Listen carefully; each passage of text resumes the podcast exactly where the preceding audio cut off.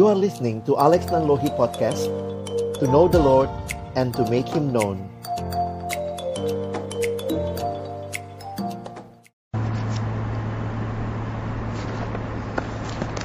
Kami memuji Engkau ya Allah kami Satu-satunya pribadi yang layak Menerima segala pujian, hormat dan syukur kami. Kembali siang hari ini Tuhan beri kesempatan kami bersama-sama Belajar akan kebenaran firman-Mu Biarlah waktu kami membuka firman-Mu ya Tuhan Bukalah juga hati kami. Jadikanlah hati kami seperti tanah yang baik Supaya ketika benih firman Tuhan ditaburkan Boleh sungguh-sungguh berakar, bertumbuh Dan juga berbuah nyata di dalam hidup kami Berkati hambamu yang menyampaikan dan setiap kami yang mendengarkan. Tuhan tolonglah kami semua Agar kami bukan hanya menjadi pendengar-pendengar firman yang setia Tapi mampukan kami dengan kuat kuasa pertolongan dari rohmu yang kudus. Kami dimampukan menjadi pelaku-pelaku firmanmu di dalam kehidupan kami. Bersabdalah ya Tuhan kami umatmu sedia mendengarnya. Dalam satu nama yang kudus, nama yang berkuasa, nama Tuhan kami Yesus Kristus. Kami menyerahkan pemberitaan firmanmu. Amin. Silakan duduk. Shalom. Selamat siang Bapak Ibu Saudara yang dikasihi Tuhan.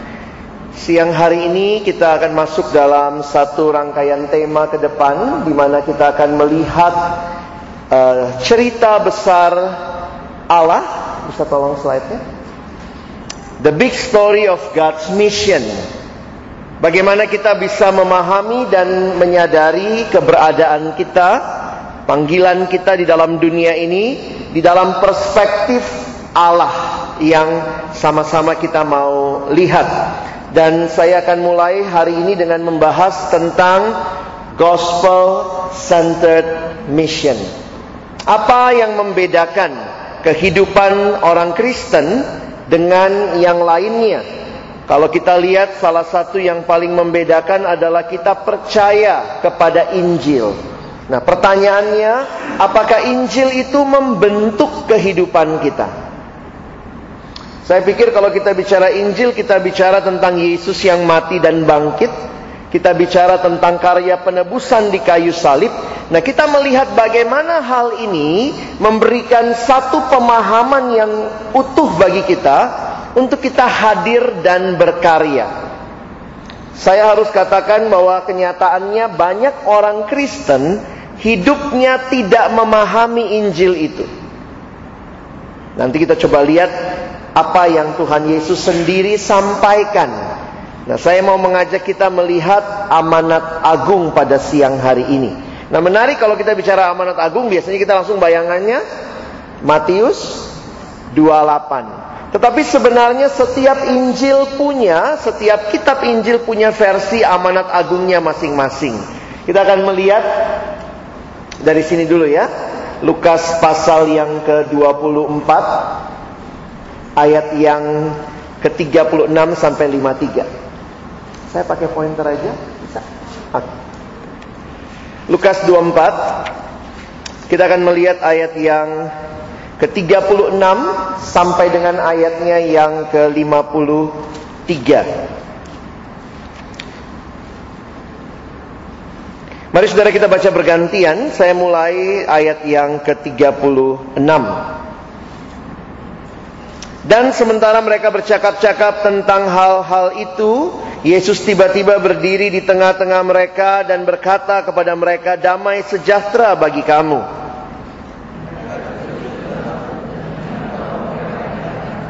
Akan tetapi ia berkata kepada mereka, "Mengapa kamu terkejut dan apa sebabnya timbul keraguan-raguan di dalam hati kamu?"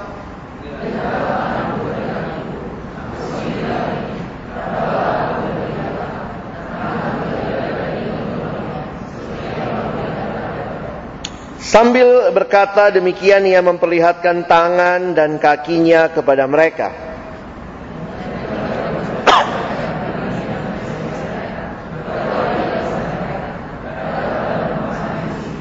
Lalu mereka memberikan kepadanya sepotong ikan goreng. Ia berkata kepada mereka, inilah perkataanku yang telah kukatakan kepadamu ketika aku masih bersama-sama dengan kamu. Yakni bahwa harus digenapi semua yang ada tertulis tentang aku dalam kitab Taurat Musa dan kitab Nabi-Nabi dan kitab Mazmur.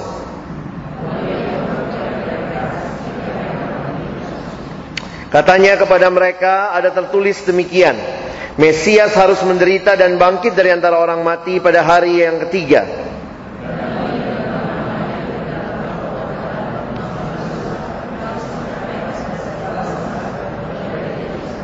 Kamu adalah saksi dari semuanya ini.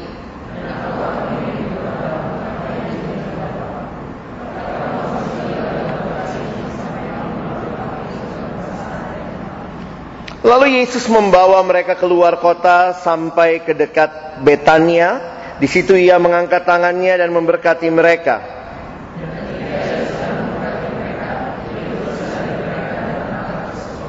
Mereka sujud menyembah kepadanya, lalu mereka pulang ke Yerusalem dengan sangat bersuka cita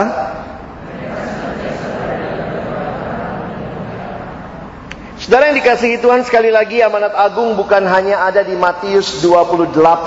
Setiap Injil, setiap kitab Injil memiliki versi amanat agungnya sendiri dari perspektif penulis.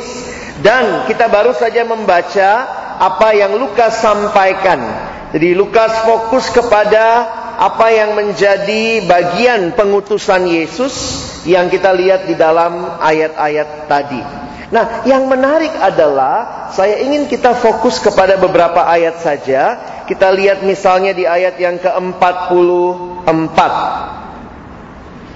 Inilah ia berkata kepada mereka, inilah perkataanku yang telah kukatakan kepadamu ketika aku masih bersama-sama dengan kamu, yakni bahwa harus digenapi semua yang ada tertulis tentang aku dalam kitab Taurat, Musa dan kitab nabi-nabi dan kitab Mazmur. Tiga kitab disebut kitab Taurat, kitab nabi, kitab Mazmur. Itu sebenarnya adalah seluruh perjanjian lama. Saudara tangkap dulu idenya. Yesus berkata bahwa seluruh perjanjian lama itu ceritanya tentang dia. Lalu saudara lihat ayat berikutnya. Lalu ia membuka pikiran mereka sehingga mereka mengerti kitab suci. Nah, saya mau mulai dari bagian ini. Kalau saudara melihat kembali kepada Alkitab, muncul pertanyaan, Alkitab itu stories atau story? Ini jadi menarik nih ya. Ini jawabannya ya tentu kedua-duanya ada story story story atau ada stories gitu ya tapi kemudian ini menjadi satu kesatuan a single story nah itu yang menarik yang kita perhatikan yang sebenarnya Yesus sedang katakan kepada murid-muridnya. Nah kalau kita mau membaca dan membahas ini ini jadi menarik saudara ya. Karena apa? Kita biasa atau bahkan murid-muridnya pada waktu itu melihat Alkitab cuma sebagai cerita-cerita-cerita. Tapi Yesus kemudian memberikan satu pengikatnya, ini yang kita sekarang bicara gospel centered, bahwa semua cerita itu bicara tentang aku. Sehingga kita bisa melihat bahwa waktu kita melihat cerita Alkitab dalam satu single story dan penggenapannya dalam Kristus, itu memberikan satu konteks yang baru bagi kita. Nah, ini menarik untuk diperhatikan bahwa sering kali banyak orang Kristen kehilangan esensi ini. Karena apa? Kita pikir Alkitab cuma cerita-cerita teladan tokoh-tokoh yang ada di Alkitab saja, tetapi sebenarnya seluruh cerita itu khususnya kalau kita bicara perjanjian lama menunjuk ke satu pribadi yaitu Yesus. Nah, saudara coba perhatikan sebentar kalimat ini dari seorang bernama Timothy Keller. Dia bilang begini bahwa segala sesuatu itu jadi masuk akal waktu kita menempatkannya di dalam semacam alur cerita. Jadi kalau saudara kadang kita suka nanya, ya ngapain saya di sini? Untuk apa hidup saya? Untuk apa pekerjaan saya ini? Nah saudara, mau tidak mau kita biasanya akan menempatkannya di dalam semacam alur cerita besar. Oh saya ada supaya saya bekerja bisa memenuhi kebutuhan keluarga saya. Itu sebuah cerita. Itu akan jadi make sense waktu kamu bicaranya di dalam sebuah konteks cerita yang besar.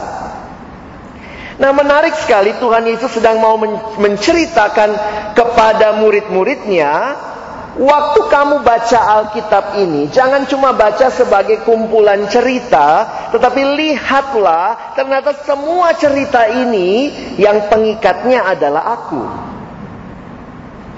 Dan ini menjadi menarik untuk kita perhatikan ya, karena itu waktu bicara the big story of the Bible, ternyata Alkitab ini kalau kita peres begitu rupa, ada empat cerita utama yang ada di dalamnya. Dan menarik sekali kalau kita melihat penulisan Alkitab yang sangat luar biasa. Kalau saudara kembali belajar doktrin Alkitab, kita tahu bahwa Alkitab itu ditulis lebih kurang 1600 tahun waktu penulisannya.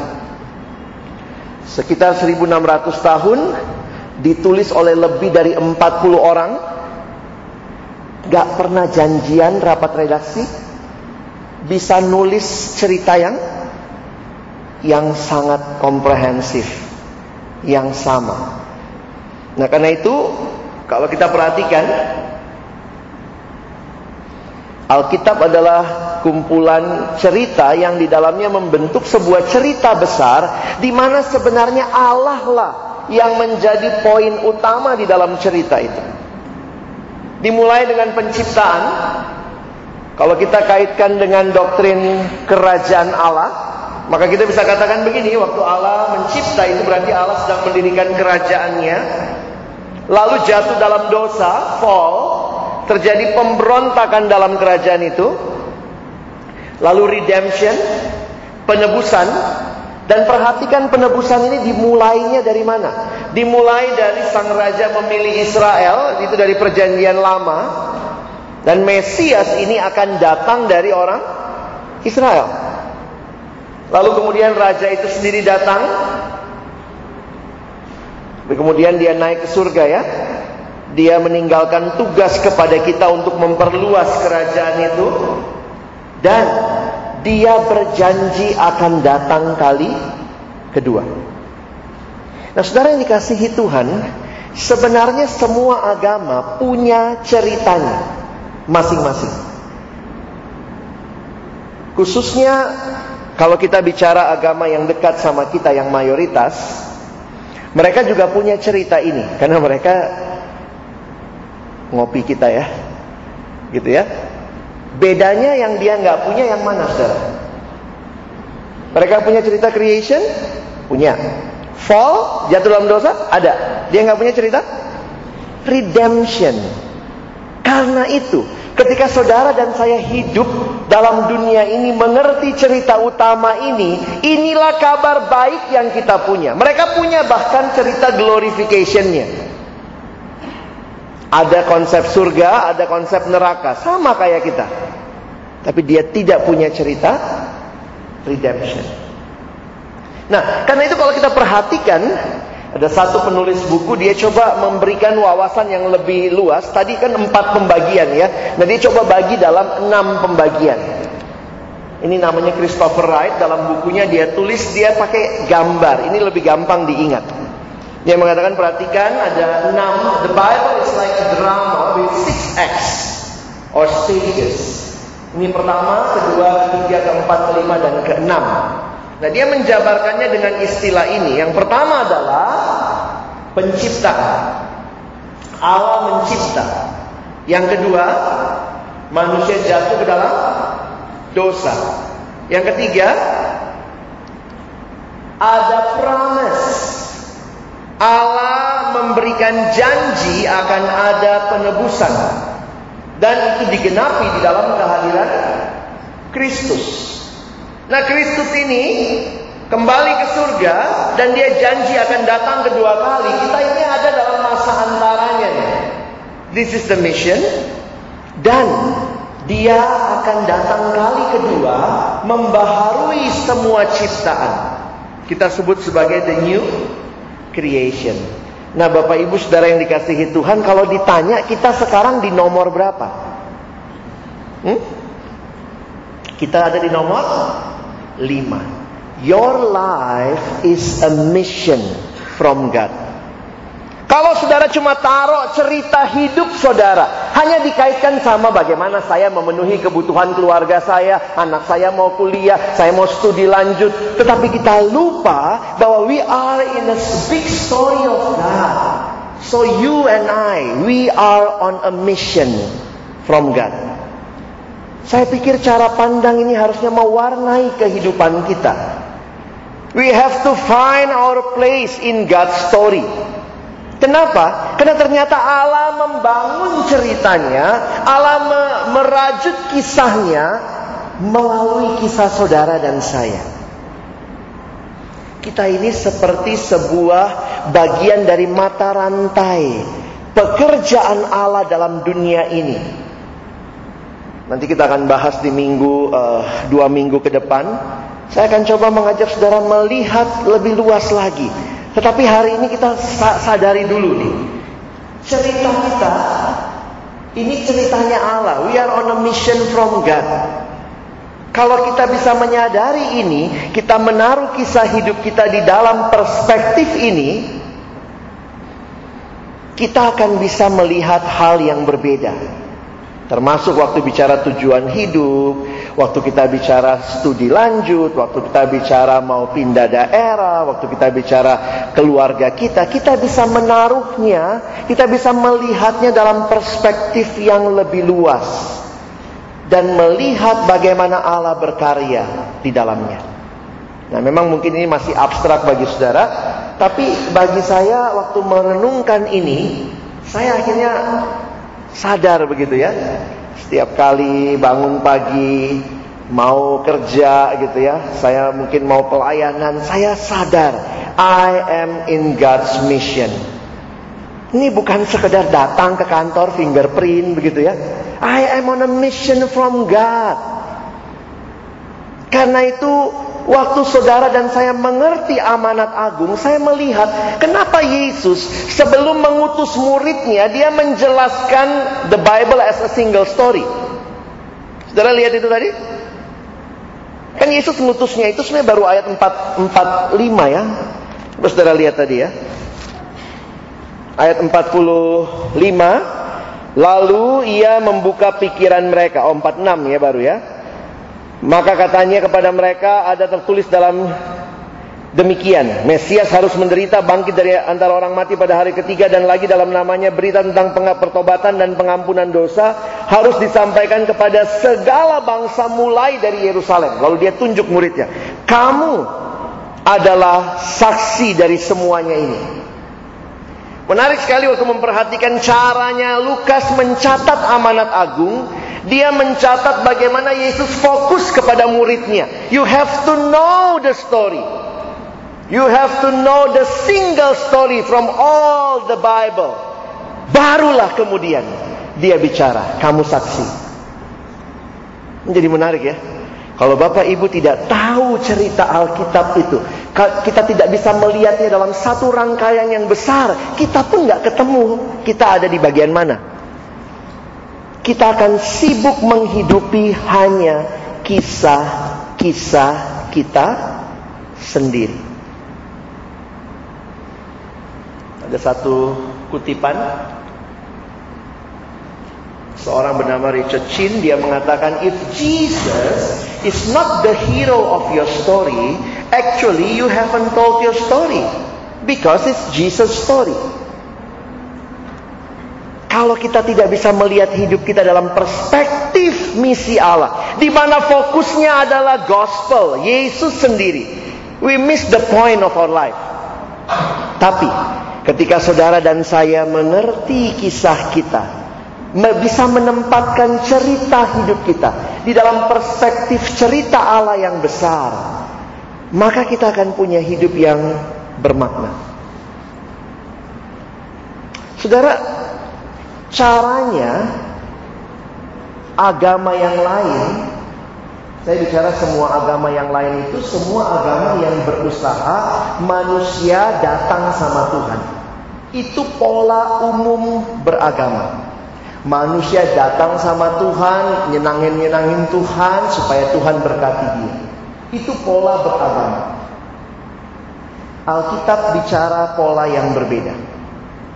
Kenapa kita harus mengerti bahwa Yesuslah penggenapannya? Karena cerita Injil bicara bukan manusia yang datang kepada Allah terlebih dahulu. Allah yang datang jadi manusia. Semua agama bilang datangi Allahmu persembahkan sesuatu senangkan hatinya. Kekristenan bilang tidak. Sebelum saudara dan saya bisa datang kepada dia. Dia yang datang kepada kita. Bukan kita yang persembahkan korban kepada dia. Dia yang persembahkan dirinya bagi kita. Itu titik yang membedakan semua agama dengan kekristenan. Semua agama berkata, lakukan sesuatu Kekristenan berkata, pertama-tama Allah yang melakukannya bagimu. Jadi kalau saudara lihat, semua agama bicara apa yang harus saya lakukan bagi Allah. Kekristenan bicara apa yang Allah lakukan bagi bagi saya. Beda nggak? Oh beda banget saudara. Banyak orang beragama itu persis model nyogok biar diberkati Tuhan baik-baikin gitu ya. Itu kalau ada KPK surgawi ketangkep kita semua, penjilat, tukang nyogok. Tetapi kekristenan bicara hal yang berbeda. Kristus yang datang menyelamatkan kita. Kalau sekarang kita hidup bagi dia, bukan untuk nyogok, tapi justru karena kita sudah mengalami keselamatan dalam Kristus itu. Nah ini beda sekali saudara ya. Saya suka tanya sama anak remaja, saya bilang begini. Kalau kalian rajin, misalnya ya, ada anak remaja lagi libur di rumah. Dia libur di rumah, kemudian bangun pagi, dia bersihin tempat tidur, dia lipat selimut, dia nyapu-nyapu gitu ya, numpang tanya. Dia lakukan itu supaya jadi anak atau karena dia anak? Supaya jadi anak. Enggak, justru karena dia dia anak. Nah, kayak ini menarik saudara ya. Banyak orang Kristen berpikir dia melakukan semua kewajiban agama supaya jadi jadi anak. Loh, bukan begitu pengajaran kita. Apakah kalau ada anak pagi-pagi bangun bersihin tempat tidur segala lalu bikin proposal, papa mama terima saya sebagai anak, itu pasti kita bilang anaknya Gila. Lu gila? Kalau saya mau tanya kepada kita, jangan-jangan Injil belum mengubah hidup kita, belum mengubah pola pikir kita, belum mengubah pola perilaku kita. Kenapa saudara rajin kebaktian? Supaya jadi anak Allah. Kenapa saudara rajin baca kita?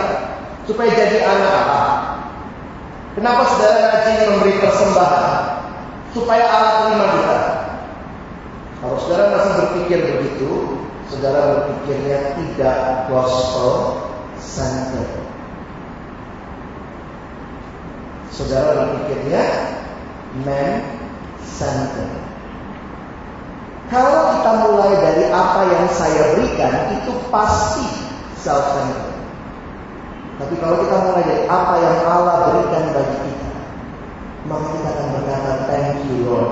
Karena saya anak, makanya saya memberikan yang menjadi kewajiban saya, kerinduan saya, ucapan syukur saya sebab saya. Beda ya? Tapi saya masih lihat tuh guru sekolah minggu ngajarnya begitu. Saya pakai bilang ini guru sekolah minggu atau lagi uh, ibadah di tempat lain? Guru sekolah minggu ngomong begini, adik-adik kita harus rajin baca Alkitab, kita harus rajin bantu orang tua, hormati bapak ibu guru supaya jadi anak Tuhan. Betul nggak? Ini kekristenan atau bukan? Lakukan, lakukan, lakukan supaya jadi anak Tuhan. No, itu bukan kekristenan. Kekristenan berkata ada yang sudah melakukannya bagimu. Dan kalau kau lakukan, itu adalah ucapan syukurmu. Bukan supaya jadi anak, tapi karena kamu anak. Beda nggak? Beda. Kenapa Yesus harus memperkenalkan the Bible as a single story? Di sini kuncinya ya, saya harap saudara bisa paham ini. Kalau kita baca cerita Alkitab hanya sebagai stories, waktu baca kisah Yesus kita lihat gimana? Kita mesti jadi seperti Yesus. Waktu kita baca kisahnya Musa, oh kita mesti jadi seperti Musa. Akhirnya kita terjebak masuk ke dalam moralistik. Apa yang harus saya lakukan? Apa yang harus saya lakukan? Makanya Yesus bilang semua yang sudah genapkan. Ini saudara lihat.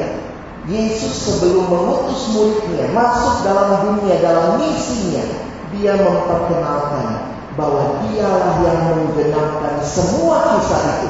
Kalau kita cuma baca kisah-kisah perjanjian lama, kita jadi moralistik. Berani seperti Daud, nanti apa seperti Yusuf, ini seperti Musa. Akhirnya, who is the hero? Me. But when you understand the Bible as a single story, maka kita akan melihat semua yang ada di perjanjian lama digenapkan lebih penuh di dalam Kristus. Karena itu kita bukan harus menjadi seperti Musa. Dengar kalimat saya. Bukan jadi seperti Musa, bukan jadi seperti Yakub, bukan jadi seperti Yusuf. Kita harus seperti Kristus. Dan mungkin untuk menjadi seperti Kristus setelah dan Daud bisa kita pilih. Beda nggak?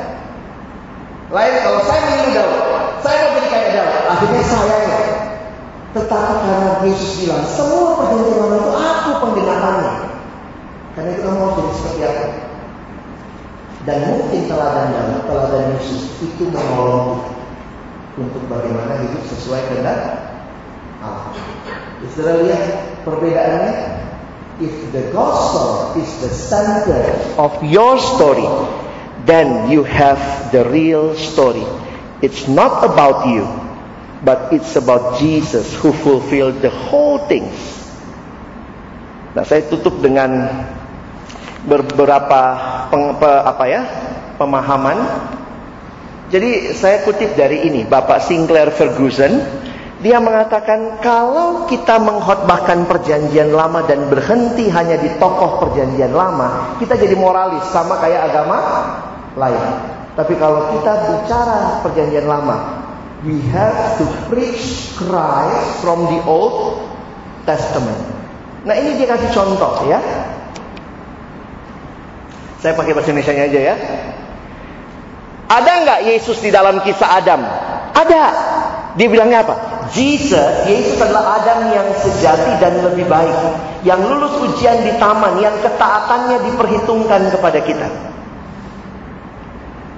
Ada nggak Yesus dalam kisah Habel? Kan Yesus ngomong, semua di perjanjian lama tentang aku. Berarti dalam kisah Habel juga ada. Yesus adalah Habel yang sejati dan lebih baik. Yang meski dibunuh tanpa kesalahan. Memiliki darah yang sekarang berteriak bukan untuk penghukuman kita. Tapi untuk pembebasan.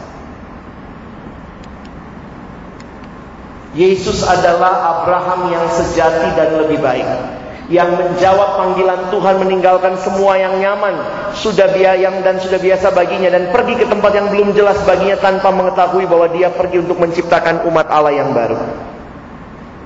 Jesus is the true and better Adam.